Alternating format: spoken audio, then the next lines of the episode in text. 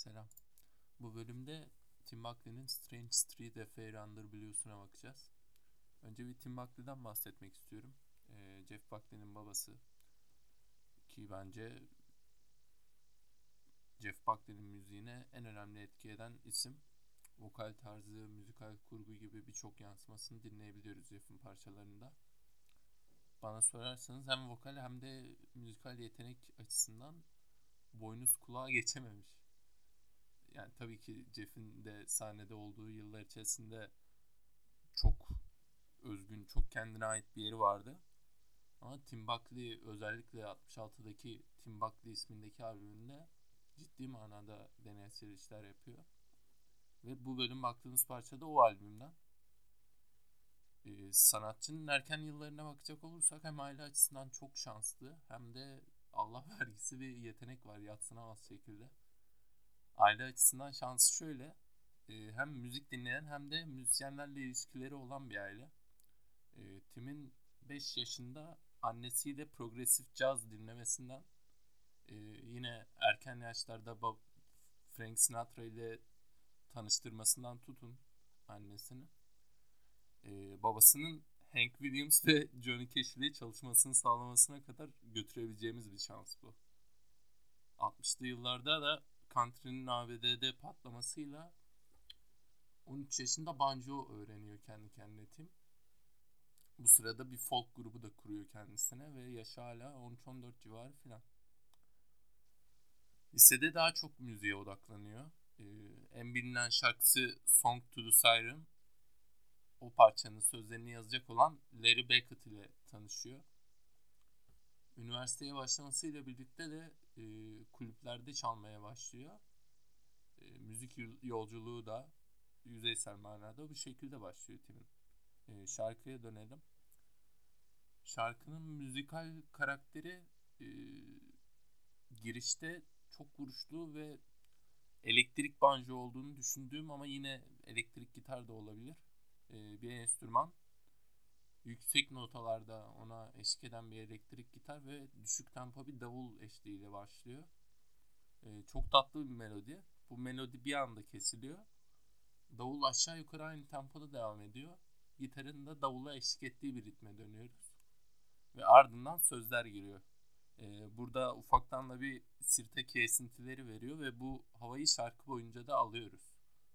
Tim'in sir sirtekten esinlenip esinlenmediğini gerçekten merak ediyorum bu şarkıda. Şarkının ilk kısım sözlerinde Tim'in ipeksi sesiyle nasıl oynayabildiğinin çok güzel bir ön gösterimi var.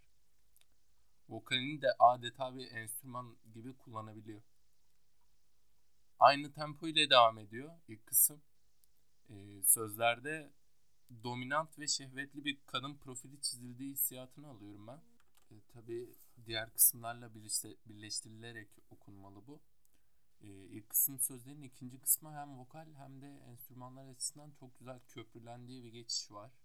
E, tempo yükseliyor ki şarkının genel karakteri bu şekilde. İnişler ve çıkışlar var. E, tıpkı ilk bölümde baktığımız Jeff'in parçası gibi. Tempo yükselişiyle birlikte ses tonunun da daha da yükseldiğini, e, daha enerjik bir vokale geçtiğini görüyoruz sanatçının. İkinci kısım sözlerde de ilk kısımdaki şehvetli, dominant kadın profilinin devam ettiğini hatta karakterimize yöneldiğini görüyoruz. Ee, üçüncü kısım sözlere geçişte yine harika bir köprüleme ile tempo yine yükseliyor. Tim daha da enerjik bir vokal tarzı benimsiyor. Sözler daha hızlı söylenmesine rağmen hala vokaldeki yeteneğini hissettirmeye devam ediyor. Ee, bu kısımda müzikal manada rölantide devam eden bir tempo yok. Ataklar ve duruşlar var e, vokalini ve sözlerini de çok güzel şekilde yedirmiş buraya Tim. E, müzikal oyun tadı vermeye başlıyor şarkı.